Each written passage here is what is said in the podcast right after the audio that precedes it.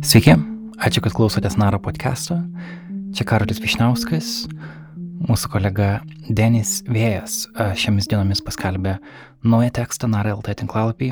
Jis grįžo iš Ukrainos ir šiandien aš noriu jums jį perskaityti. Tik prieš taip, žinote, nuo paties Denio. Sveiki, čia Denis Vėjas kalba. Norėčiau pristatyti jums savo savo istoriją iš, e, iš paskutinės kelionės į Ukrainą. E, ši istorija yra apie Marko Rodary, italų klauną, kuris jau 15 metų gyvena karo zonose. Ir e, tai yra tai, ką jisai daro gyvenime. Ir jis yra labai ypatingas, labai unikalus žmogus, personažas, tiesiog veikėjas, ir praleisti laiką su juo man buvo labai ypatinga dovana, nepaisant to, kad kiek daug baisių dalykų, istori, baisių istorijų išgirdom, pamatėm, pati patirtis, e, susijungti su šito žmogum, jį pažinti, e, padarė, paliko man labai, labai ypatingą įspūdį. Galiausiai šitą istoriją, kuri gavosi ganėtinai spontaniškai iš tikrųjų. Man jinai yra turbūt svarbiausias darbas, kurį esu parsivežęs iš Ukrainos. Joje, man atrodo, kad yra labai daug svarbių, nedakalbėtų temų. Man pačiam jinai yra labai svarbi, nes per daugelį dialogų ir šitų istorijų aš suradau labai daug e, klausimų pats savo, kas yra karas, kaip žmonės išgyvena kare, kas tie žmonės ir kaip, kodėl juos traukia karas ir tie žmonės, kurie, e, kurie tarsi buvo įkalinti kare ir karo situacijose. Tai viskas bendrai susidėjo man į tokį paveikslą ir tai tarsi man buvo atsakymas į, daug, į daugybę dialogų, kurie vyko Ukrainoje. Na ir žinoma, pats Marko kaip, kaip žmogus, kaip personažas, tai yra tiesiog, tiesiog tiesiog nežinau jaučiuosi kad kad kad buvo garbė praleisti su juo tris dienas ir apskritai žinoti kad tokie žmonės egzistuoja gero klausymo ir ačiū jums labai kai juokas sustabdo karą kelionė į donbaso pafrontę su klounu marko rodari autorius denis vėjas redaktorė indrė kiršaitė Harkivas, sausio vidurys, 6 val. ryto. Prekybos centro stovėjimo aikštelėje susitinkame su vietiniais savanoriais.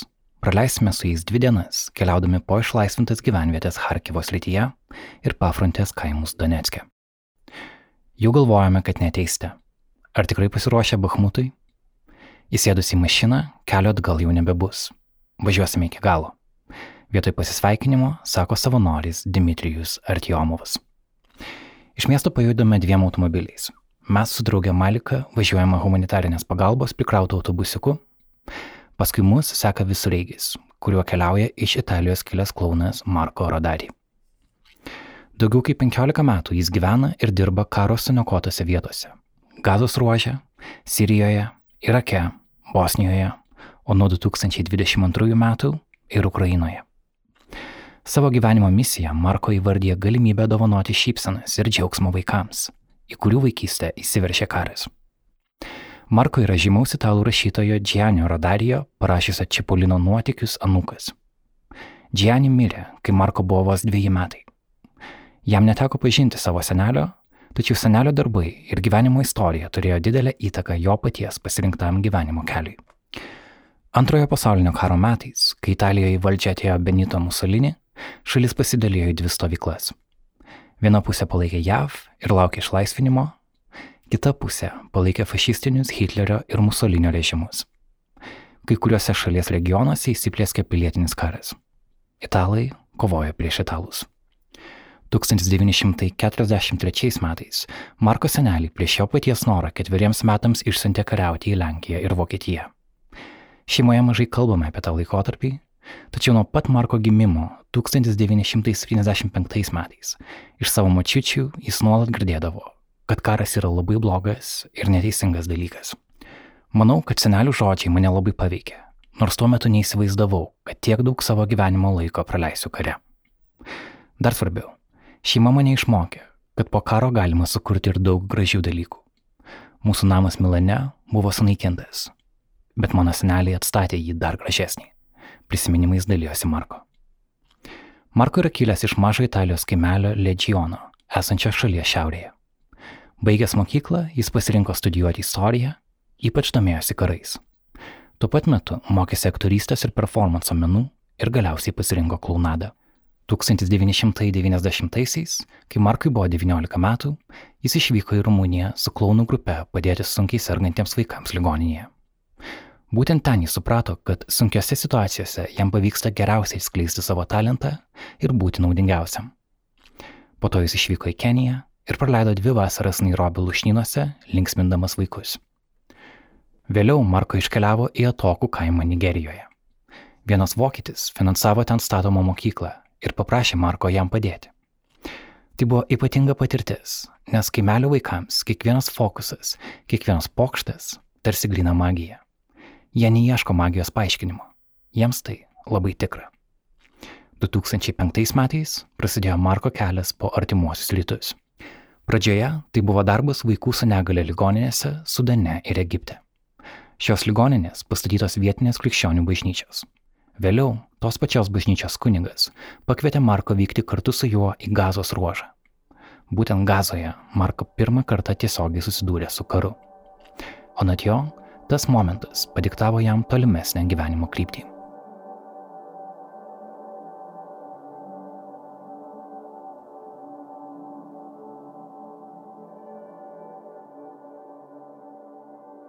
Lipčanivka. Paliekame Harkivą iki mūsų pirmojo kelionės tikslo, Lipčanivkos kaimelio, apie dvi valandas kelio šiaurės rytų kryptimi. Kaskart, nepriklausomai nuo kraštovaizdžio ar šalies regiono, važiavimas per deokupuotas gyvenvietės ir buvusių mūšių vietas jau virsta savotišku dežavu.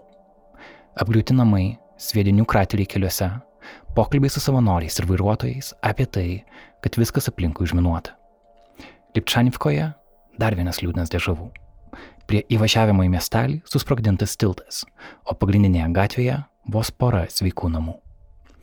Važiuojame į vietinę mokyklą, kur Marko laukia pirmas šios dienos pasirodymas. Mūsų pasitinka mokyklos direktorės ir mokytojų delegacija, nuveda į vieną iš klasių, kur laukia vaišės - kava, arbata, sausainiai, mandarinai ir sumuštiniai su sūriu.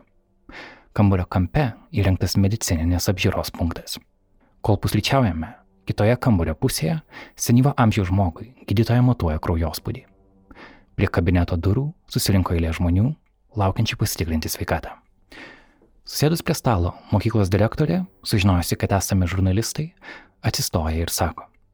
Žurnalistai, kreipiuosi į jūs, nes nežinau, į ką dar kreiptis.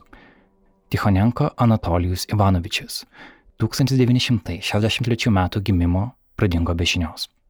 Gegužės trečią dieną Mūsų kaime pasirodė rusų specialusis greito reagavimo būrys ir paėmė jį nelaisvę. Užmovė ant galvos maišą, vėlą sulišo rankas ir išvežė. Be priežasties. Jis nevykdė jokios partizaninės veiklos. Mes iki šiol nežinome, kur jis. Jo sunus atliko DNR testą, gal jo jau nėra tarp gyvųjų, bet pagal DNR jis nebuvo atpažintas. Sūnus kreipėsi visur, kur įmanoma ir jokių rezultatų. Mums pasakė, kad yra galimybė, kad jį išvežė į Čečeniją. Dagestane yra plytų fabrikas, į kurį veža kalinius kaip darbo jėgą. Jam jau virš 60 metų, tad man tai atrodo mažai tikėtina. Mes labai norime jį surasti, kad bent jau žmogiškai palaidotume. Anatolijaus sūnus sužinojo, kad jo tėvą laikė kartu su Sergejumi Zaika, mūsų kaimo seniūnu. Išsiaiškinome, kad juos laikė vienkiame Rusija Buhaivkos kaime. Sūnus nuvyko ten ir klausinėjo vietinių, rodė tėvo nuotraukas. Vietiniai sakė, kad ten prie vienkėmio buvo įrengti postai ir nieko nepraleido. Tad niekas nieko ir nematė. Tik patvirtino, kad ten suveždavo žmonės. Sergejus Zaika liko gyvas. Jis pasakoja, kad vieną dieną juos su Anatolijumi nurengė ir kažkur išvežė. Sergejų išmetė iš automobilio viename iš blokpostų, o Anatolijų nuvežė toliau. Neįsivaizduojame, ką daugiau kreiptis. O dabar gerkite arbatą. Kitaip atvės. Po 20 minučių trukusių pusryčių Marko persirengė darbiniais drabužiais. Keltoniais marškinėliais su prisiūta šypsenėlė, plačiamis žaliomis kelnėmis ir kepurė su propeleriu. Pasijima savo pokštų lagaminėlį ir užsideda raudoną nosį. Savo repertuare jis nenaudoja sudėtingų pokštų. Taip pat nenaudoja grimo ir makiažo. Vėliau jis mums papasakos, kad karo situacijoje riba tarp Marko ir jo alter ego, klauno Ilpimpos, praktiškai pradingsta. Greitai pavirsti klaunu kartais yra labai svarbu. Tai padaryti jis gali per 30 sekundžių. Gretimoje klasėje mūsų jau laukia būrys vaikų. Vaikai atrodo gana uždari. Mūsų pasitinka tuščias akis nepatikliai žvilgsniais, neišduodančiais jokių emocijų. Man atrodo, kad tai ne vaikų, bet suaugusių jų akis. Mačiusios dalykų, kurių vaikai matyti neturėtų. Klasėje tylu, girdisi tik tėvų šnapštesys mažiesiams jausis. Įsivaizduoju, kaip jie aiškina vaikams, kad jų kaimą atvažiavo klaunas. Ilpimpa pradeda pasirodymą. Nedideliais triukais jis bando sužadinti vaikams nuostabą. Auditorija pasirodo pirmi šypsniai. Jie dar labai nedrasus, bet po kelių minučių visa salė kvatoja. Tuštuma palieka vaikiškas akis ir jos vėl pradeda žibėti džiaugsmu, kuris taip joms būdingas. Ne tik vaikai, bet ir suaugusiai greitai atsipalaiduoja ir leidžia savo juoktis. Net nepastebėjau, kaip pats pradėjau šypsotis ir nenustojau iki pat pasirodymo galo. Ilpimpa įkūnė savyje du klasikinius itališko klaunų mokyklos personažus - Bianco ir Augusto. Augusto yra pasipūtęs ir arogantiškas, visada galvoja, kad yra teisus ir ginčiasi su visais dėl elementariausių dalykų. Bianco yra kvailas, jokingas ir nerangus. Jam niekada nesiseka ir viskas krenta iš rankų. Beveik kiekvieną savo triuką Marko pradeda kaip Augusto ir baigia kaip Bianko. Pradžioje vaikai ginčiasi su arogantišku klaunu, bet galiausiai jį nugali ir prieš save pamato neviekšlą. Tai momentas, kai menas tampa medicina. Vaikai juokiasi ir jų kūnai gamina endorfiną - laimės hormoną, kuris padeda įveikti stresą. Pasak Marko, tai labai svarbu, nes per karą vaikai retai patiria džiaugsmą. Juos lega didelė įtampa, atrodo, jie tarsi pamiršta, kad yra vaikai. Pasirodymas trunka apie valandą, vaikai dar nespėja palikti klasės, o prie Marko jau pribėga Olga Bondar Rizničenko, Harkivo literatūros muziejaus darbuotoja ir viena pagrindinių šios kelionės organizatorių, sakydama, penkias minutės, Marko, turime skubėti į kitą vietą. Vaikai laukia. Būsiu pasiruošęs už keturių, atsako jai Marko.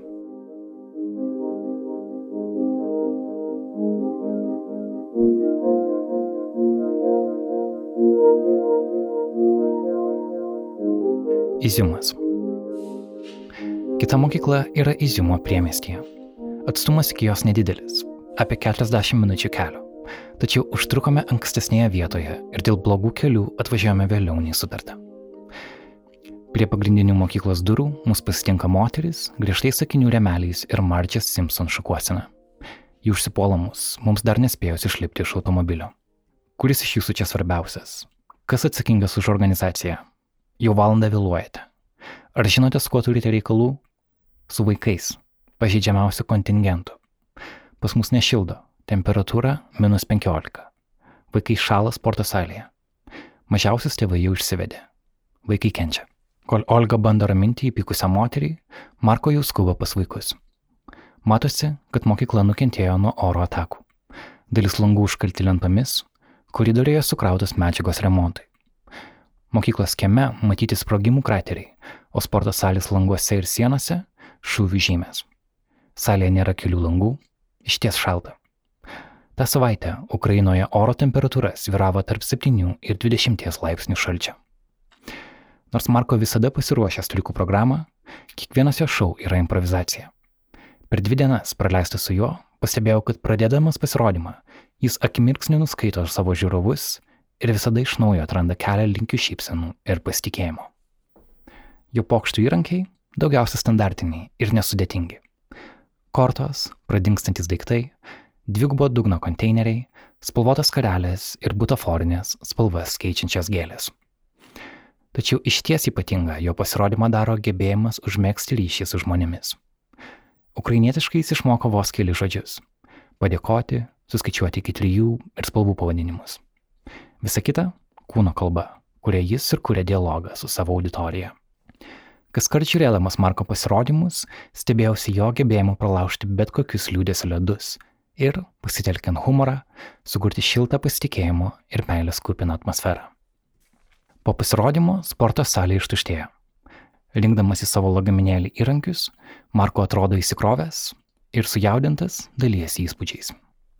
Jau ilgą laiką beveik kasdieną rengiu nemokamus pasirodymus ir visada lieku vienodai nustebintas vaikų gebėjimo šypsotis netgi pačiose sunkiausiose situacijose. Nemanau, kad jų šypsenų kaltininkas yra klaunas. Tikroji priežastis yra džiaugsmas, kurį kiekvienas vaikas nešiojasi širdyje. Per karą jie tai pamiršta, o atvykęs klaunas sugeba pažadinti jų įgimtą džiaugsmą. Pažiūrėk, dabar mes mokykloje. Jie apgriauta ir šalta. Vaikai šaltie laukia mūsų daugiau nei valandą. Ir tu pats matei, kaip jie juokiasi ir šipsojasi. Neaišku, kada jie galės grįžti į mokyklą. Todėl man labai svarbu būti klaunu. Jau daug metų matau tik karą. Palestina - karas. Ukraina - karas, Sirija ir Irakas - karas. O kai virstu klaunu, pamirštu apie tai. Ir tikiuosi, kad vaikai irgi pamiršta. Tai yra mano kaip klauno darbas. Bent trumpam sustabdyti karą. Kartais per mano pasirodymus suaugusieji irgi pamiršta karą. Tai nutinka retai, bet tie momentai ypatingi. Suaugusiems žmonėms daug sunkiau užsimiršti. Šiandien mūsų laukia dar vienas pasirodymas, tačiau skubos nebėra. Važiuojame į Izimo centrą, į slėptuvę nuo bombų, kur vakare turi susirinkti vaikai ir kur mes praleisime artimiausią naktį. Šio karo istorijoje Izimo miestas žinomas kaip vienas skaudžiausių Ukraino žaizdų. Pranešimuose apie rusų karo nusikaltimus jis lyginamas su Bučia. Miestas buvo okupuotas nuo kovo pradžios iki rugsėjo vidurio ir visą tą laiką čia vyko kovos dėl miesto kontrolės. Rusijai Iziumas buvo žudbūt reikalingas dėl jo strateginės padėties. Jis leistų Rusijai sujungti savo pajėgas Harkivo srityje ir Donetske. Taip pat miestas yra svarbus transporto mazgas, kurio kontrolė labai palengvintų karinę logistiką. Rugsėjo 10 dieną ukrainiečiams atkovojus miestą, čia buvo rasta 10 kankinimo rusių ir masinės kapavietės su 440 kūnų. Iš beveik 47 tūkstančių žmonių mieste liko gyventi tik 10 tūkstančių. Okupacijos metu rusai neišleido žmonių į laisvos Ukrainos teritorijas. Vienintelė evakuacijos kryptis nuo karo bėgantiems žmonėms buvo Rusija.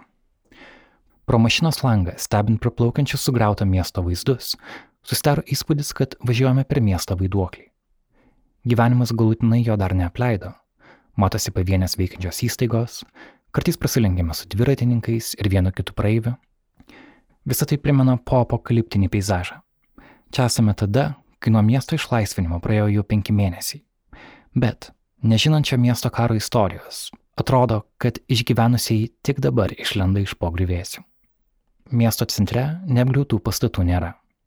Autobusiuką paliekame prie metalinių vartų, įeiname į kiemą, kuriame tarp suniokotų namų ir jų nuolaužų stovi penkios sudegusios mašinos.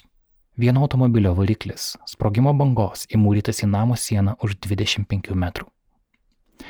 Leidžiamės laiptais į namo rūsį. Kai prieš kelionę klausiau organizatorių, ką reikėtų pasiimti su savimi, atsakymas buvo trumpas ir aiškus. Mėgmaišiai, drėgnos servetėlės, užkandžiai, vanduo ir dantų šepetėlis. Pasiruoškite nakvoti Rusiją. Įsivaizdavau drėgną sovietinį rūsį arba betoninį bunkerį. Įsivaizdavau bet ką, kas būtų antonimas žodžiui jauku. Nusileidęs į apačią, pirmiausia pamatau ilgą stalą ir daug kėdžių. Pailga patalpa primena caro laikų požemį su gaubtomis lūbomis. Sienų nišose kabo paveikslai, ikonas ir vaikų piešiniai. Kampe stovi didelė, malkomis kūrenama krosnis su dideliais puodais. Kambario viduryje - kalėdų eglutė. Šilta ir jauku. Vėliau sužinojau, kad šis požemis pastatytas XIX amžiuje ir per antrąjį pasaulinį karą buvo naudojamas kaip slėptuvė nuo bombų. Iš pirmos patalpos pro arką galima patekti į dar du kambarius. Vienas jų prikrautas maisto produktų, naudojamas kaip sandėlis. Kitas kambarys - mėgamasis. Čia stovi trys dvigulės lovos. Kambario kampe įrengta drabužių kabikla, nišoje prie ikonų, altorius su degančiomis žvakėmis. Priešais altorių, kitoje kambario pusėje - erotinis plakatas su apsinuoginusią moterimi. Ant sienos kabo senoviniai arba butaforiniai ginklai, stovi televizorius su DVD grotuvu. Kambario kampe gramofonas su plokštelėmis ir nedidelis alkoholinių gėrimų bariukas. Ant sofos paguldytas medžioklinis šautuvas. Visos šios detalės tik sustiprina apokaliptinį naratyvą, besivystantį mano vaizduotėje nuo pat įvažiavimo į miestą.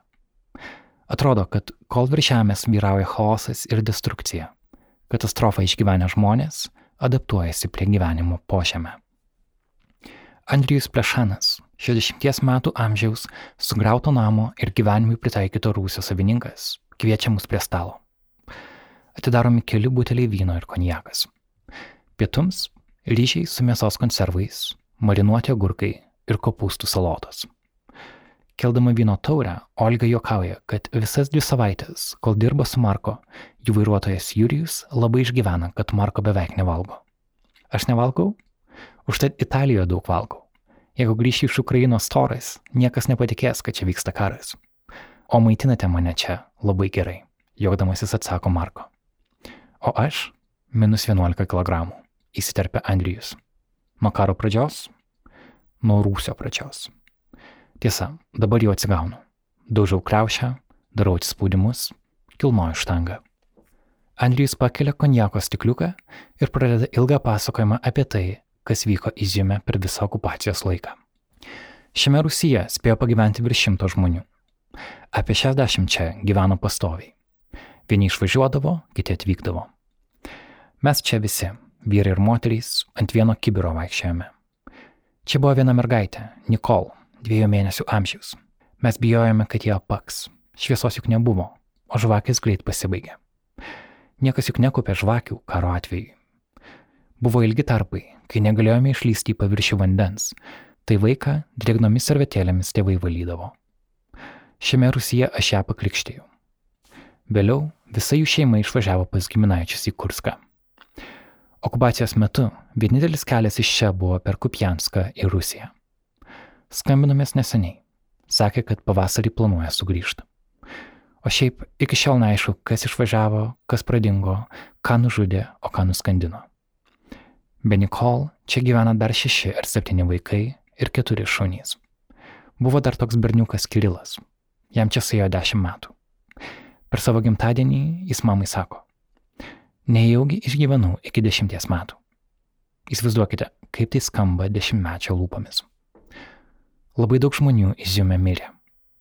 Galima sakyti, kad daug kas mirė savo mirtimi, bet aš negaliu to pavadinti savo mirtimi. Nebuvo medicinės pagalbos, nebuvo medikamentų, močiutės savo kiemuose ir namuose mirdavo. O jų giminaičiai atbėgdavo pas mane ir klausdavo, ką daryti su kūnais. Pradžioje tokie klausimai skambėjo klaikiai. Normaliame gyvenime tokių klausimų juk nesulauki. O čia apsipranti. O kaip kitaip? Sakau, laidokite kieme. Vasarą būtose kūnų nepaliksi, gatvėse taip pat. Laidojame kiemuose. Visus laidojame. Ir pažįstamus, ir tuos, kuriuos gatvėse rasdavome. O kiek dar po grįvėsiai žuvusių buvo? Atsiprašau. To jau tęsiu. Andrius giliai įkvepia, nubraukia ašarą ir prisipila stikliuką prieš tęsdamas savo istoriją. Jaučiu, kad jis nori išsipasakoti, bet kalbėti jam labai sunku. Kaimininį namą irgi susprogdino. Mano draugai ten žuvo. Visa šeima. Tai buvo siubinga. Vasara, karšta. Praėjo du mėnesiai, kol kūnus iš pogrįvėsių ištraukė. Vėliau mums leido laidoti kapinėse, tai teko vėl atkasinėti mirusius. Karstų mes neturėjome. Laidojome susuktus į kilimus ir anklodės. Mums reikėdavo eiti pasimti duonos į kitą upės pusę per pešiųjų tiltą. Atsimenu tą vaizdą, kai mes iš ano kranto duoną nešamės, o iš čia į kitą pusę atkastus kūnus laidoti nešam. O šiaip gamindavomės, ką žmonės suneždavo. Miestiečiai žinojo, kad pas mane čia 60 žmonių gyvena, tai atneždavo mums produktų. Turėjome grikių, miltų, sauso pieno, blynus retai kepdavome. Iš vietinės valgyklos atsinešėme keliasdešimties litrų talpos puodus. Į mūsų namą keturis kartus atskrido, o į kiemą kokius dešimt. Naktimis, kai vykdavo apšaudimai, mes gulėdavome ir su žibintuvėliai šviesdavome į lubas. Stebėdavome, ar neįlūš. Nuo sprogimų paviršėje pas mus čia viskas lebėdavo. Man skambino sesuo iš Rostovo. Aš jai pasakoju, kad esu čia. Mūsų žudo. Egzekucijas mums vykdo. Pasakoju, kad mano Rusija žmonės gyvena. Sakau jai, juk esu čia. Savo akimis tai matau. O ji netiki. Sako, kad meluoju. Kad čia mums smegenis praplovė. Beprasmiška. Pokalbio pabaigoje ji man sako, gal nebekalbam apie tai? Svarbiausia, kad visi sveiki gyvi. O aš juk rusakalbis. 15 metų Magadanė pragyvenau. Mano mama iš Murmansko, tėvas vietinis, iš Izjumo. Aš su jų kariais bandžiau kalbėtis. Jie net nebejoja, kad yra teisūs. Sakiau, juk ne mes pas jūs, o jūs pas mus atėjote. Kas čia per spets operacija? Karas. Vyksta plataus masto karas. Prašiau, kad parodytų man nors vieną nacijai, banderovcą, bet ką, nuo ko jie atėjo mūsų išlaisvinti. Beprasmiška. Automatą nutaikydavo, o atsakymų neturėdavo. Labai jos tokie klausimai nervindavo. Jie iš tiesų su išlaisvinimo nuotaikomis atėjo. O mes juk nesidžiaugiame, su gėlėm ir balionais nepasitinkame, rankomis neplojame. Sūkos ir debilai.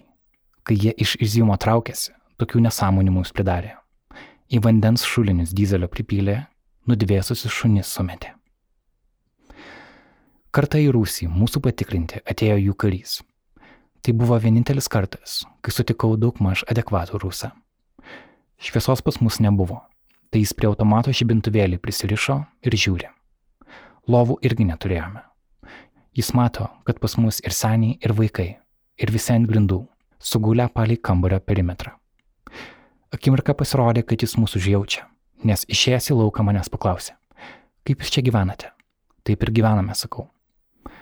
Visi kiti kontaktai su rusais naglumas ir chamizmas. Dar buvo momentas, kai pas mane į kiemą girtas sukėlėlis iš LNR. Apsišaukėlišką laikoma Luhansko liaudės Respublika. Redaktoriaus pastaba. Įvirto. Įvirto ir užmigo. Aš jį ten ir palikau, o kai jis atsibudo, nieko neatsiminė. Aš sumaniau pasinaudoti situaciją ir pasakiau, kad jis vakar girtas, rusų vėliavą apmyžo ir rėkė. Putin huilo. Reikėjo pamatyti jo veidą, kaip jis išsigando ir išėjo nežinoma kryptimi. Kambarys paskendo tyloje. Atrodo, kad Andrijaus istorija paveikė visus ir niekas neturėjo ką pasakyti. Net Marko, kuris nesupranta rusiškai, pajutęs lekiančią atmosferą, paskendo savo mintise ir tyliai žiūrėjo į lėkštę. Vėliau pradėjo rinktis vaikai. Šį kartą jų buvo labai nedaug. Visus atlydėjo seneliai. Marko išsitraukė savo triukų lagaminėlį ir rusys greitai prisipildė vaikų kvatojimų. Staiga pasirodymas buvo nutrauktas. Rūsio durys atsidarė ir laiptais nusileido grupė jaunimo persirengusio teatro kostiumais. Visiems netikėtai kambaryje susirinko pasakiški personažai - karaliai, angelai, giltinė ir velniai. Tai buvo iš Harkivo atvažiavęs Vertepas, tradicinis ukrainiečių lėlių teatras, ketinęs parodyti spektaklį pagal Jėzaus gimimo istoriją. Aktoriai atrodė nemažiau nustebę nei mes.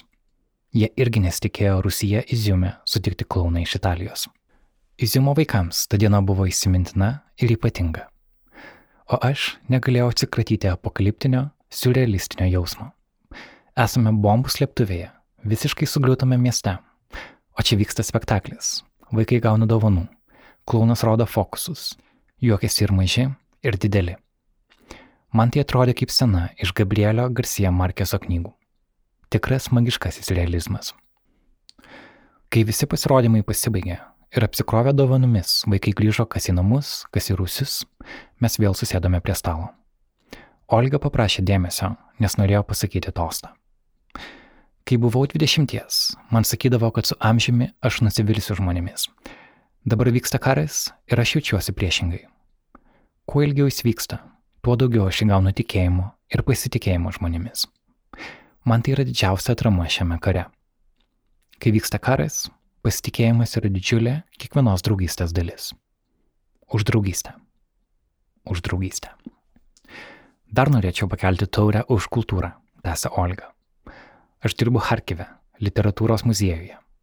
Kai prasidėjo karas, rusai užėmę gyvenvietės degindavo ukrainietiškas knygas.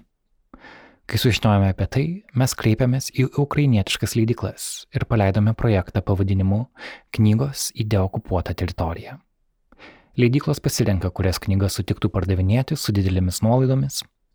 Žmonės sumoka už knygas ir jos yra siunčiamos į rytų Ukrainą, į išlaisvintas teritorijas. Šis projektas gimė, kai kartu su Jurijumi veždavome humanitarinę pagalbą į apšaudomus kaimus. Atsimenu, kaip atvežus produktus į Korobočkinę, viena moteris priejo prie mūsų ir sako, kad geriau ne maistą jiems vežtume, o knygas. Jie neturėjo nei interneto, nei televizijos, galėjo skaityti tik knygas. Taip pat reikia suvokti, kad išlaisvintose teritorijose vaikai neturi daug veiklų ir labai svarbu vežti ten kultūrą. Marko irgi yra parašęs knygą vaikams. Tai knyga apie karą. Joje jis vaikams suprantama forma aprašė savo patirtį gazos ruožę. Knyga išleista italų kalba, tačiau dabar jis planuoja išversti ją į ukrainiečių. Marko pasakoja, kad karas Ukrainoje prasidėjo savaitę po to, kai jo knygą atvežė iš spaustuvės. Knygoje yra vienas blogiausias ir pikčiausias personažas ir visi galvoja, kad aš aprašau Putiną. Be to, knygoje karą vadina orkų karu. Iš tiesų, aš manau, kad knygos istoriją galima susijęti su bet kuriuo karu. Istorija labai paprasta. Blogasis personažas gyvena aukštame bokšte. Jis turi viską, ko geidžia širdis, bet yra labai vienišas. Jis galvoja tik apie karą ir valdžią ir iš visų savo kaimynų bando atimti išteklius - kurą, deimantus, auksą. O pagrindinis veiksmas vyksta kaimelyje, kur vis šypsosi ir blogietis vis puola tą kaimelį, nes nori atimti žmonių šypsenas. Šią knygą Marko parašė COVID laikais, padedamas dviejų savo sunienų ketverių ir šešerių metų amžiaus. Kai knyga buvo baigta, jis išsiuntinėjo ją vaikams, kad jie galėtų pasakojimą įvertinti ir parašyti, ką jame pakeistų. Gavęs vaikų atsakymus, Marko planuoja antrą leidimą pagal jų pastabas. Taip pat jis nori papildyti istoriją savo patirtimi Ukrainoje. Pavyzdžiui, knygoje, kai orkų armija atvyksta į kaimą, gyventojai išsigasta ir pasigirsta žmonių kliksmai. Dabar jis nori pakeisti kliksmus pavojaus sirenų garsais. Sirenų garsai man tapo savotiška ukrainiečių karo daina. Kitose karo šalyse nėra sirenų. O čia yra netgi telefonų programėlės, perspėjančios apie pavojų. Neseniai susirašinėjau su draugu iš gazos ir papasakojau jam apie tai. Jis labai nustebo ir atrašė. Wow, that's a good war, man.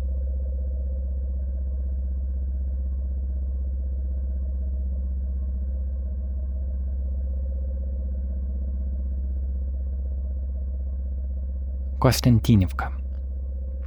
Izjumą paliekame kitos dienos rytą.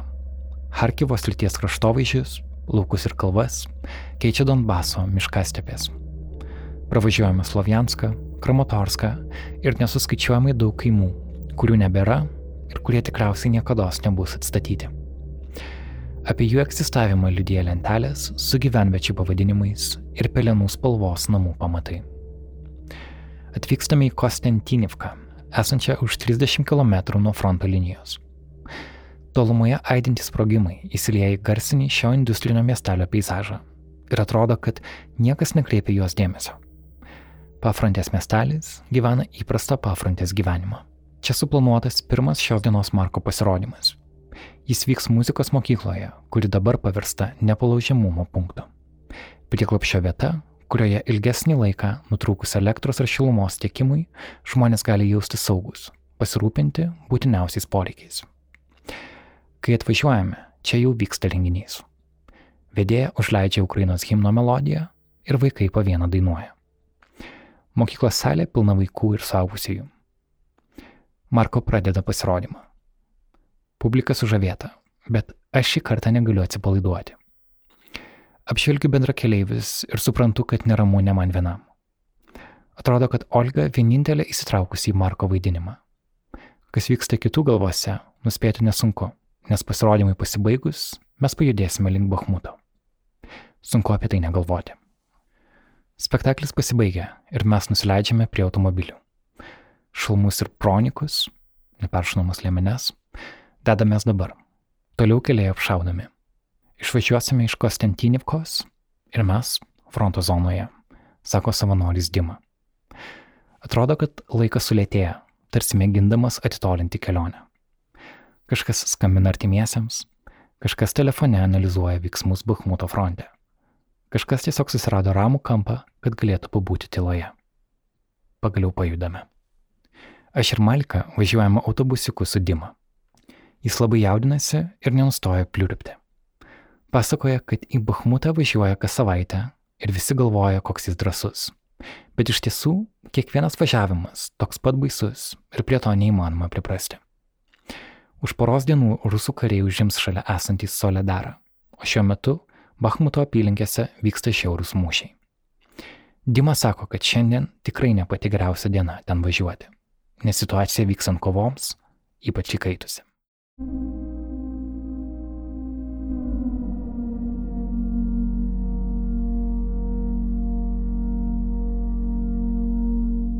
Česif Jaras. Pravažiuojame paskutinį Konstantinivkos blokpostą ir esame kelyje link Česif Jaro, esančią 10 km iki Bahmuto.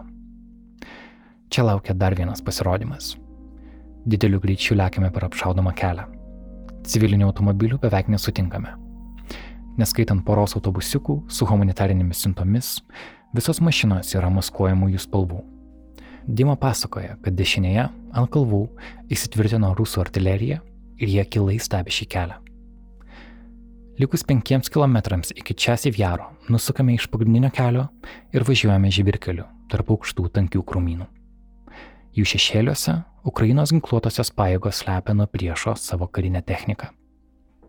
Pagrindinėje miestelio aikštėje mus pasitiks ir pas vaikus palydės vietinė savanorė. Girdime tuos pačius sprogimus, kaip ir Konstantinivkoje, tačiau dabar jie žymiai garsesni. Atrodo, kad aidi visai šalia ir jų žymiai daugiau. Dabar pauzės tarp jų vos poros minučių.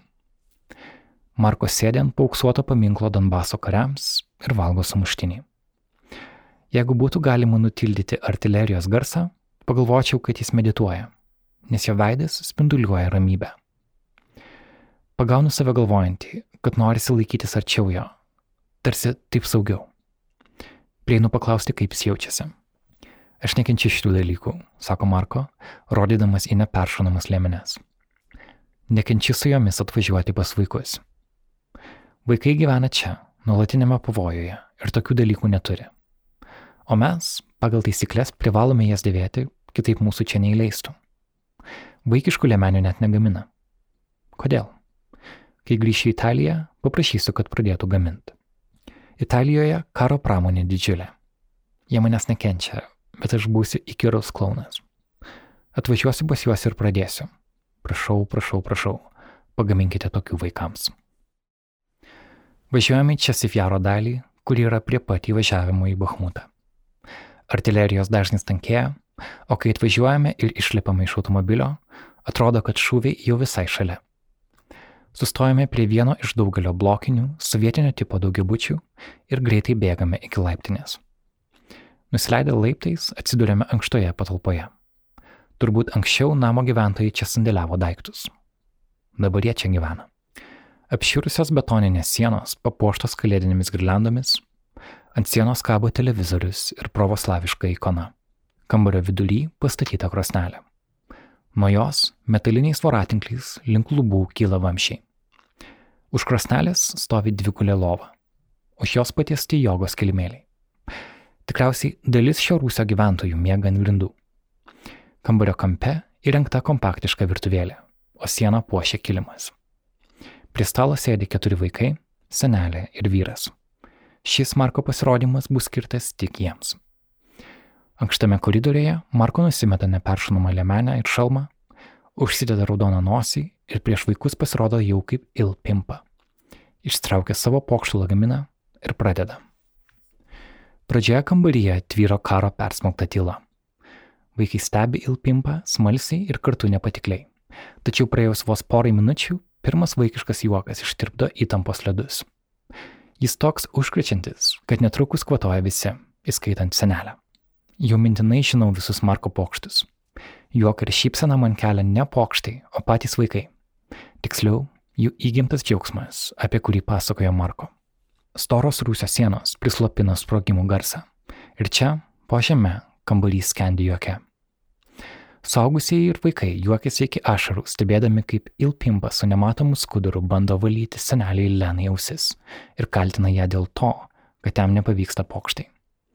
Atrodo, kad juokas nubraukia visą sugauptą nerimą ir kartu su juoko ašaromis įsitempę kūnai atsipalaiduoja. Staiga visai čia pat nugriaudžius sprogimas. Taip arti, kad namas sudreba. Kur mano tėtis? klausė berniukas vardu Nikita. Tėtis toj grįž, atsako mama. Julius ir Dima bėga į viršų pažiūrėti, kur pataikė. Paaiškėjo, kad atskrido į kaimynų namą, esantį už kokių 500 metrų nuo mūsų. Tyla vėl apgaubė kambarį. Marko minutę sutrinka, bet to jau pats sugrįžta į Ilpimpos vaidmenį ir bando nukreipti vaikų dėmesį. Malika prisijungia prie jo ir jie du kartu pradeda mokyti vaikus kortų žaidimo. Jauniausias, Tioma, paprašo manęs fotoaparato ir kurį laiką abu fiksuojame, kas vyksta. Vaikai atsipalaiduoja daug greičiau nei suaugusieji. Jie nebesišypso, aptarinė, kas čia pataikė, ginčiasi tai artilerija ar oro antskridis. Malika užkalbina vaikų motiną, paklausia, kodėl jie neišvažiuoja. Moteris atsako, kad jau du kartus čia Sivjarė pateko į apšaudimus ir dabar labai bijo, kad jos gali apšaudyti pakeliui. Rusija jai atrodo saugiau. Dimo nubėga iki mašinos ir atneša vaikams dovanų. Mums jau laikas judėti toliau. Šiltai atsisveikiname ir pakylame į viršų. Važiuodami pro smūgio vietą, sustojame padaryti nuotraukų. Artilerija pataikė į namo kiemą, palikdama gilų kraterį. Ore tvyro parako ir šviežio žemės kvapas. Viena laiptinė sugriauta, o visi namo langai išmušti sprogimo bangos. Iš už kampo pasirodo dar pora žurnalistų su press liemenėmis. Staiga pasipila haubicos šūviai. Šaudo mūsiškiai, bet pasigirdus artilerijos smūgiams, Dima sušunka. Greitai atgal į mašiną. Tuoj bus atsakas. Pro langą stebiu, kaip kiti žurnalistai paskubomis bėga iš pavojingos vietos.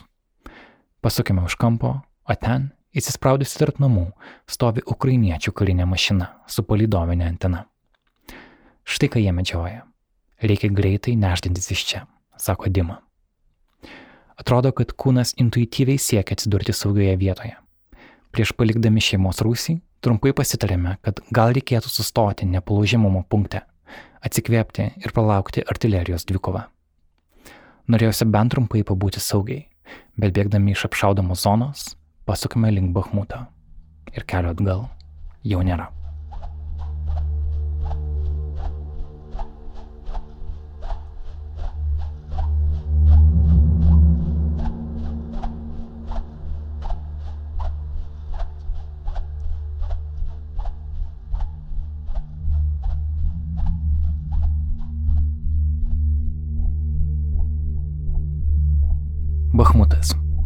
Vėl važiuojame apšaudomų keliu, Dima vėl plepa nesustodamas.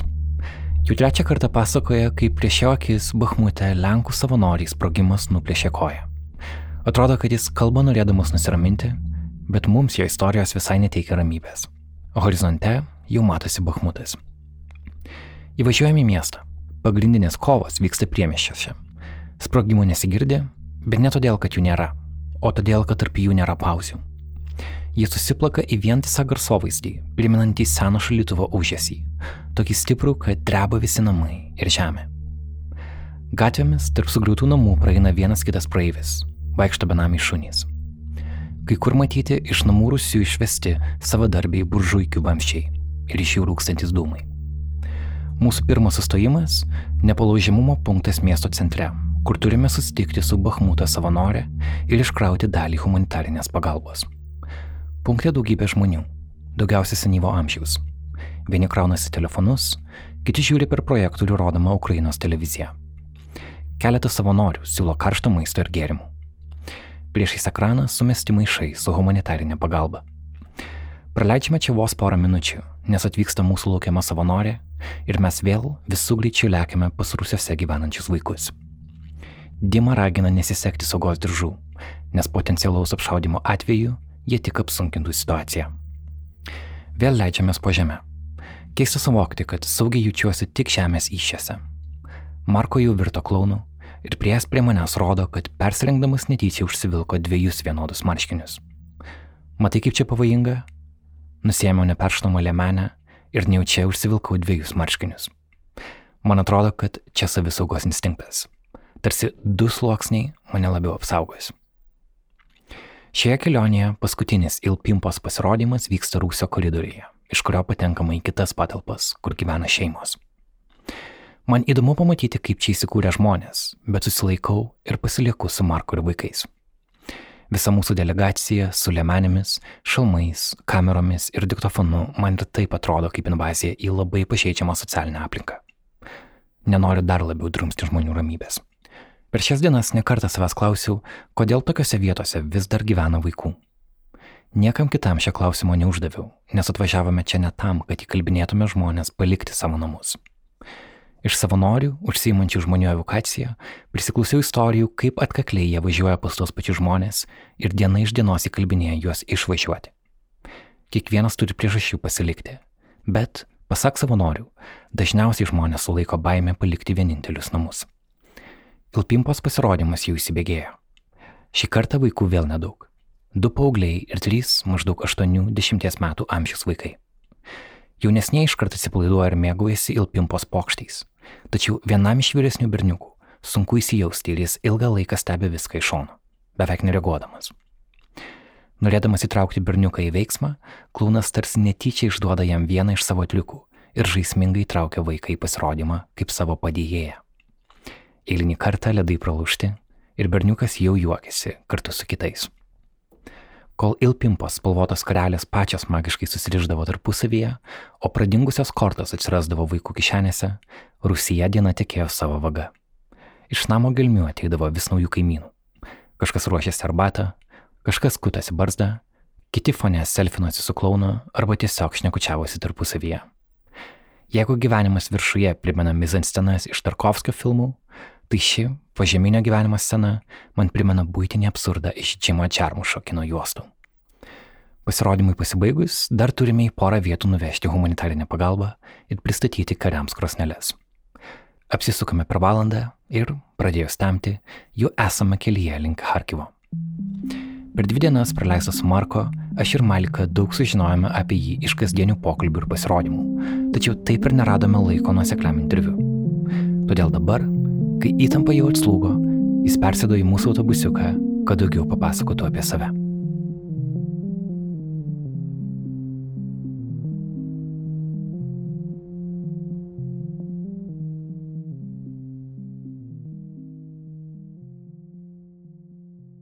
Klausimas Marko. Tavo pirma akistata su karu įvyko gazoje. Įsivaizduoju, kad ši patirtis labai skiriasi nuo tavo ankstesnių veiklų. Kaip išgyvenai perėjimą nuo vaikų linksminimo Afrikoje iki darbo karo zonoje? Marko atsakymas. Iki gazos aš niekada neįsivaizdavau savęs kare, bet kai tai įvyko, pasijutau esąs savo vietoje ir suvokiau, kaip tai svarbu. Tačiau reikia suprasti, kad kai 2008 metais atvykau į gazos ruožą, karo ten dar nebuvo. Jis užklupo mane netikėtai. Tada pirmą kartą išgyvenau bombardavimą kartu su ten gyvenančiais vaikais. Jiems irgi buvo pirmas kartas. Man atrodo, tą kartą mano ir vaikų likimai susijungė. Bombardavimas vyko aštuonias dienas, pilies namas, kuriame gyvenau, buvo sugriautas. Kartu su 50 vaikų slėpėmės bažnyčioje. Būtent ten ir atradau save kaip karo klauną. Išsitraukiau savo pokštų lagaminą ir pradėjau linksminti vaikus. Tai padėdavo jiems pamiršti, kad vyksta karas. Aš ir pats užsimiršdavau, žaisdamas su vaikais. Gazos ruošia karo veiksmai neužsitęsia metus. Jie užeina staigiai ir trunka po 10-12 dienų. Tuo laikotarpiu bombarduojama taip intensyviai, kad į lauką išeiti neįmanoma. O slėptis irgi nėra kur. Nėra nei bunkerių, nei slėptuvių. Hamas turi bunkerius, bet paprasti žmonės - ne. Čia, Ukrainoje, yra daug vietų, kur karo veiksmai nevyksta. Gazos ruožas toks mažas, kad saugių vietų karo operacijų metu tiesiog nelieka. 2014 metais aš išgyvenau virš 50 dienų pastovaus bombardavimo. Izraeliečiai per karo operacijas išjungė elektros tiekimą gazai. Taip pat sustoja maisto tiekimas. Atrodo, kad viskas sustoja. Lieka tik nepaliaujamas bum, bum, bum dieną naktį. Praeina trys dienos ir tai tampa norma. Labai sunkus normalumas, bet prie to priprantama. Po pirmojo apsilankimo gazos ruožė aš kasmet šešiems mėnesiams ten grįžtu. Tiek, kiek leidžia viza. Po gazas pradėjau važinėti į Siriją ir Iraką, o nuo praeitų metų ir į Ukrainą. Mano pirma klauno patirtis karo zonoje labai skiriasi nuo ankstesniųjų. Anksčiau daug dirbau ligoninėse su sunkiai sergančiais vaikais. Ten būdamas supranti, kad vaiko gyvybei grėsia pavojus, bet pats esi saugus. Kare tau grėsia lygiai toks pat pavojus kaip ir vaikui ir tai padaro jūs lygius. Humanitarinis klaunas labai skiriasi nuo cirko klauno. Kas vyko šiandien, tai nepasirodymas ant scenos. Mes lankėmės žmonių gyvenimuose. Klausimas Marko. Plataus masto karas Ukrainoje prasidėjo vasario 24 dieną. Kaip greitai čia atvažiavai? Marko atsako. Kovo pradžioje atvykau į Lvivą. Mane pakvietė vienas iš Lvivo kunigų. Jis asmeniškai manęs nepažinojo, bet susirado per kitą kunigą, su kuriuo dirbau kitur karo zonose. Visada dirbau su religinėmis organizacijomis, nes per jas galiu patekti į vietas, į kurias be jų pagalbos manęs neįleistų. Elvivė ir jo apylinkėse praleidau 15 dienų. Daugiausia dirbau su negalio turinčiais žmonėmis, sunkiai sergančiais bei tėvų neturinčiais vaikais. Pamačiau, kad Elvivė įmanoma dirbti ir, įvertinę saugumo situaciją, Grįžęs į Italiją, paraginau kitus klaunus ten važiuoti. Rūpjūtį su manimi susisiekė kunigas iš Harkivo ir pakvietė pas save. Atvykau su trimis draugais klaunais, juos palikau dirbti Elvive, o pats nuvažiavau giliau. Elvive situacija dabar pakankamai saugi. Harkivo regione kaimai sugriauti, bet dirbti ten įmanoma. Daugelįje vietų iš dangaus nebekrenta raketos. Šiandien buvo labai pavojinga. Niekada nesivešiau kitų klaunų į tokias vietas. Mano gyvenimas yra mano gyvenimas, mano atsakomybė. Kitų žmonių nekviešiu važiuoti kartu, nes nežinau, kaip jie reaguotų kilus pavojai. Aš važiuoju į karo zonas dėl vaikų. Kai žmogus prašo manęs pasiimti jį kartu, aš nežinau jo motivacijos. Nekartą teko matyti, kad žmogus atvažiuoja karą tik tam, jog pasigirtų išgyvenęs kažką pavojingo. Tokie žmonės visą tai daro ne dėl vaikų, o dėl savęs, dėl savo ego. Dažniausiai tokie neištveria ilgiau vienos dienos. Atvažiuoja, nusifotografuoja ir kitą dieną jau nori grįžti į Italiją. Klausimas Marko. Įsivaizduoju, kad išgyvenai ne vieną situaciją, kai tavo gyvybei grėsė pavojus. Ar kada nors turėjai bejonių dėl pasirinkto kelio? Marko atsako. Žinoma, ypač per 52 dienų karo operaciją Gazoje. Tais metais praradau daug draugų, jie visi žuvo. Išeidavau į lauką ir matydavau negyvų žmonės. Buvo dienų, kai palūždavau ir klausdavau savęs, Marko, kodėl? Kodėl tu kiši save į tokias situacijas? Man atrodo, normalu abejoti. Tokiais momentais labai svarbu neužsidaryti. Svarbu pasikalbėti su draugu. Turiu artimą draugą, kuriam paskambinu palūžęs ir jis visada palaiko mane. Padeda suimti save į rankas. Sunkiais momentais man visada padeda vaikai. Kai karo operacija gazoje pasibaigė, išėjau į lauką, o ten viskas buvo sugriauta. Visas mano rajonas virto gryvėsiais. O tada prie manęs priejo vaikas ir paprašė parodyti jam triuką. Klaunas neturi teisės pasakyti vaikui ne. Man labai įsiminė akimirka, kai stovėjome su vaiku tarp visų tų gryvėsių ir žaidėme kortomis. Klausimas Marko. Darbas su vaikais tau labai svarbus. Ar galėtum paaiškinti, kodėl nusprendėjai susijęti savo gyvenimą būtent su jais? Marko atsako. Stengiuosi negalvoti apie savo darbą tokiamis klišėmis kaip vaikai yra svarbus, vaikai man rūpi arba vaikai yra mūsų ateitis. Jos teisingos, bet skamba kaip politikų frazės. Jie visi taip šneka, bet karai nesibaigia. Kai kuriems žmonėms lemta groti muziką, kiti pasirenka sportą, o mano pašaukimas - būti su vaikais, kai jiems sunku. Dažnai prisimenu savo vaikystę. Gyvenau mažame kalnų miestelėje ir buvau laisvas. Galėjau laipioti medžiais, Turėjau šunį, katę, vištų, avių. Mano šeima nebuvo turtinga, bet gyvenome taikoje. Vėliau gyvenimas apaugo problemomis, bet gyvenimo pradžioje taika yra labai svarbu. Kodėl aš turėjau privilegiją gyventi taikoje, o kiti vaikai jos neturi? Vaikus svarbu eiti į mokyklą, žaisti futbolą, turėti draugų, o karas visą tai atima. Atima iš vaiko vaikystę. Aš neprašau aukštojo išsilavinimo kiekvienam vaikui. Neprašau televizorių arba kompiuterių. Aš prašau taikos. Turiu svajonę.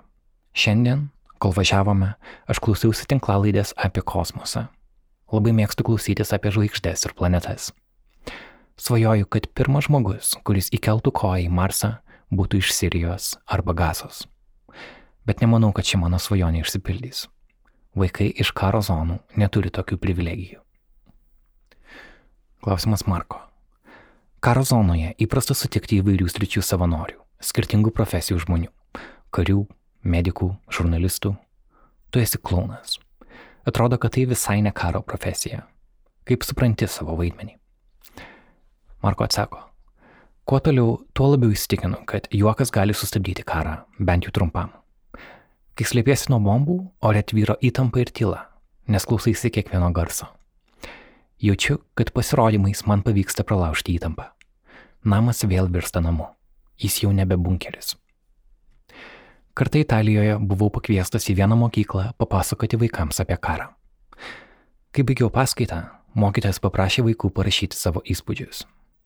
Po poros dienų sulaukiau mokytojo skambučio. Jis pasakė, Marko, klasėje buvo mergaitė iš Damasko.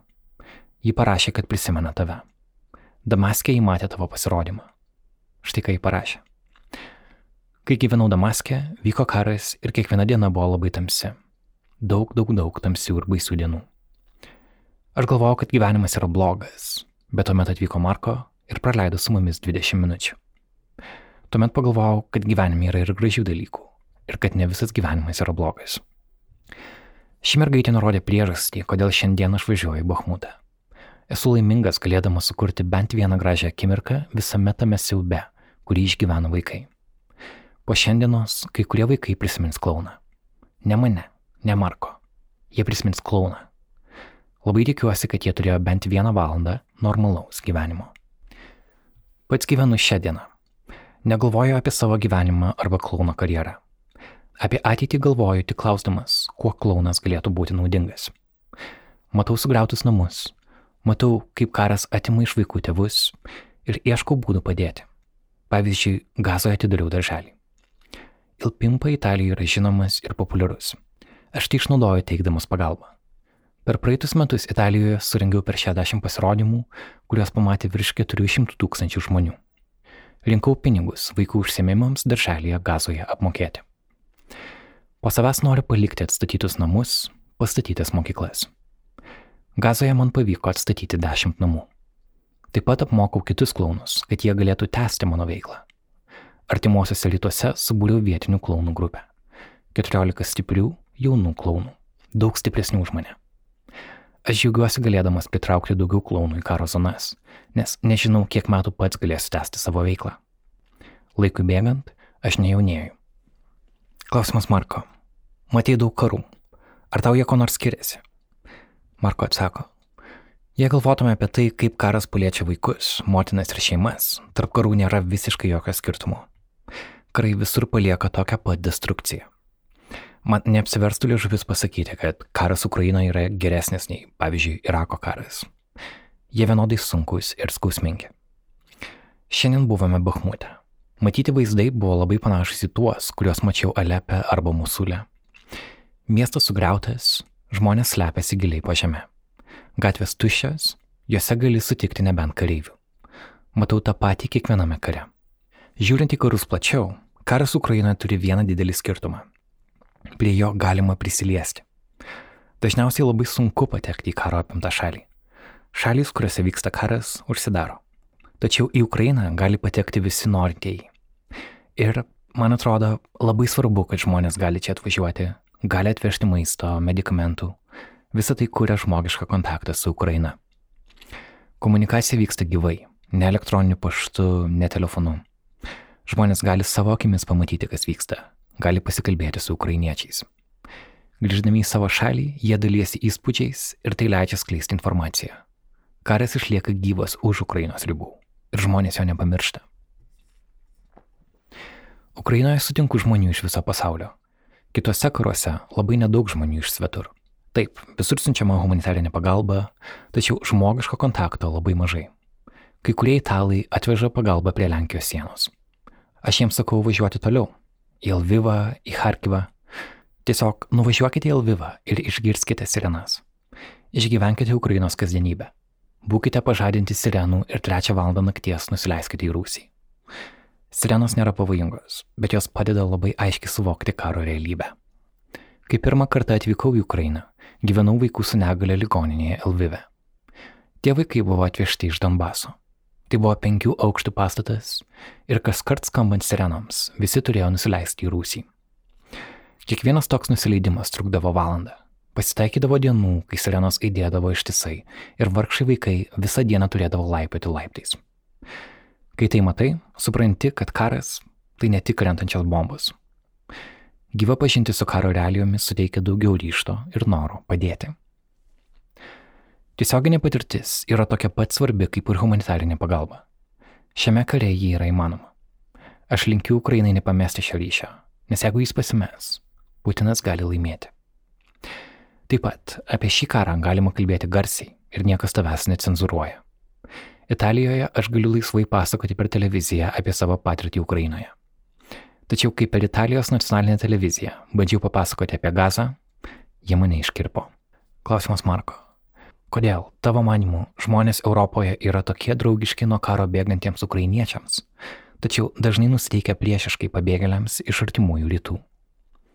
Marko atsako, nes Ukraina yra Europoje. Ukrainiečiai atrodo kaip europiečiai. Ukrainos vaikai yra panašus į Italijos vaikus. Palestinos, Irako vaikai jiems neprimena jų pačių vaikų. Ir tai labai liūdna, nes visi vaikai vienodi ir vienodai svarbus. Taip pat visa žiniasklaida yra už Ukrainą. Dauguma politikų palaiko Ukrainą. Grįžtu iš Ukrainos, mane laiko didvyrių. Grįžtu iš Gazos, teroristų. Savo darbui artimuosiuose rytuose nekarto nesulaukiau net mažiausios pagalbos iš savo vyriausybės, tik iš paprastų žmonių ir organizacijų.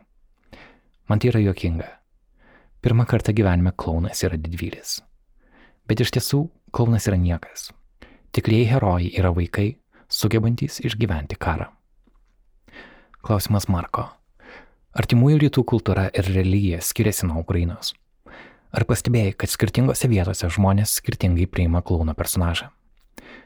Marko atsako, ypač kultūrose. Per mano pasirodymą Bagdade vaikai pirmą kartą gyvenime matė klauną. Jie ne tik nežinojo, kaip arabiškai yra klaunas, jie net nežinojo, kad klaunai egzistuoja. Taip pat buvau vienas iš pirmųjų klaunų gazos ruožė. Tačiau vaikai yra atviri naujovėms. Klaunas visur sukelia juoką. Europoje man sudėtingiau. Stevenas Kingas yra parašęs siaubo knygą apie piktą klauną, o vėliau dar buvo pastatytas filmas. Pastebėjau, kad po šio filmo atsiranda vis daugiau vaikų, kurie manęs išsigasta. Džiaugiuosi, kad šis filmas net keliavo iki artimųjų rytų. Mums besikalbant, privažiuojame blokpostą, kuriame kariškis patikrina mūsų dokumentus ir nusišypsojęs palinki gero kelio. Marko nusijuokė ir pasakoja, kad jeigu tai būtų Irakas, patikra truktų ne mažiau dviejų valandų. Kai ruošiuosi pasirodymui Bagdade, kelionę pradedu prieš dieną. Nuo vietos, kur gyvenu, iki sostinės - 15 blokpostų, po 2 valandas kiekvienam. Kiekviename jų kareiviai atidaro mano pokštų lagaminą ir tikrina kiekvieną įrankį. Aš tiesiog užsidedu ausines ir einu į šešėlį klausytis muzikos, sako Marko. Kelias skendi tamsoje ir tyloje, jaučiuosi prieštaringai. Kai stebėjau Marko ir besišypsančius vaikus, mane ir pati užlėdavo šiluma tarsi prisilietus prie stebuklo. Dabar, spaudžiant paskutinių dienų įspūdžių krūviai, atrodo, kad tos šypsenos yra nedaugiau kaip džiaugsmo ašaros, liūdėsio ir skausmo vandenyne. Šiandien apie 8 valandas praleidome pafrontėje. Dabar grįžtame į Harkivą, kur visi eisime ramiai miegoti. O tie vaikai, kuriuos šiandien sutikome, eis miegoti Bahmute ir rytoj atsibus Bahmute. Vaikus čia įvierę ryte prižadins sprogimai jie neįs į mokyklą. Iziumo vaikai atsibūs sugriautame mieste. Dar nežinojau, kad Bahmuto vaizdai ateinančias kelias savaitės persekios mane sapnuose. Pabudęs rytais, džiaugsiuos, kad tai tik sapnas. Mūsų kelionėje sutikti vaikai neturi tokios privilegijos. Pabūsti iš košmaro, kuriame gyvenam.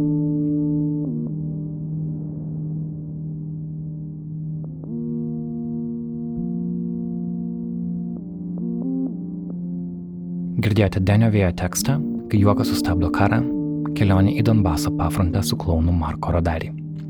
Jis skaičiau aš Karolis Višniauskas Denis kartu su šiuo tekstu parvežė ir išsamų fotoreportažą iš kelionės.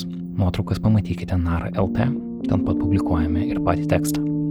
Teksto redaktorė yra Inlė Kiršaitė, audio įrašas yra įrašytas Martino Mažvido bibliotekoje, garso režisierė Kata Bitoft, įrašo redaktorius yra Adomas Zubė. Muzika, kurią girdite, yra sukurta Martino Gailiaus.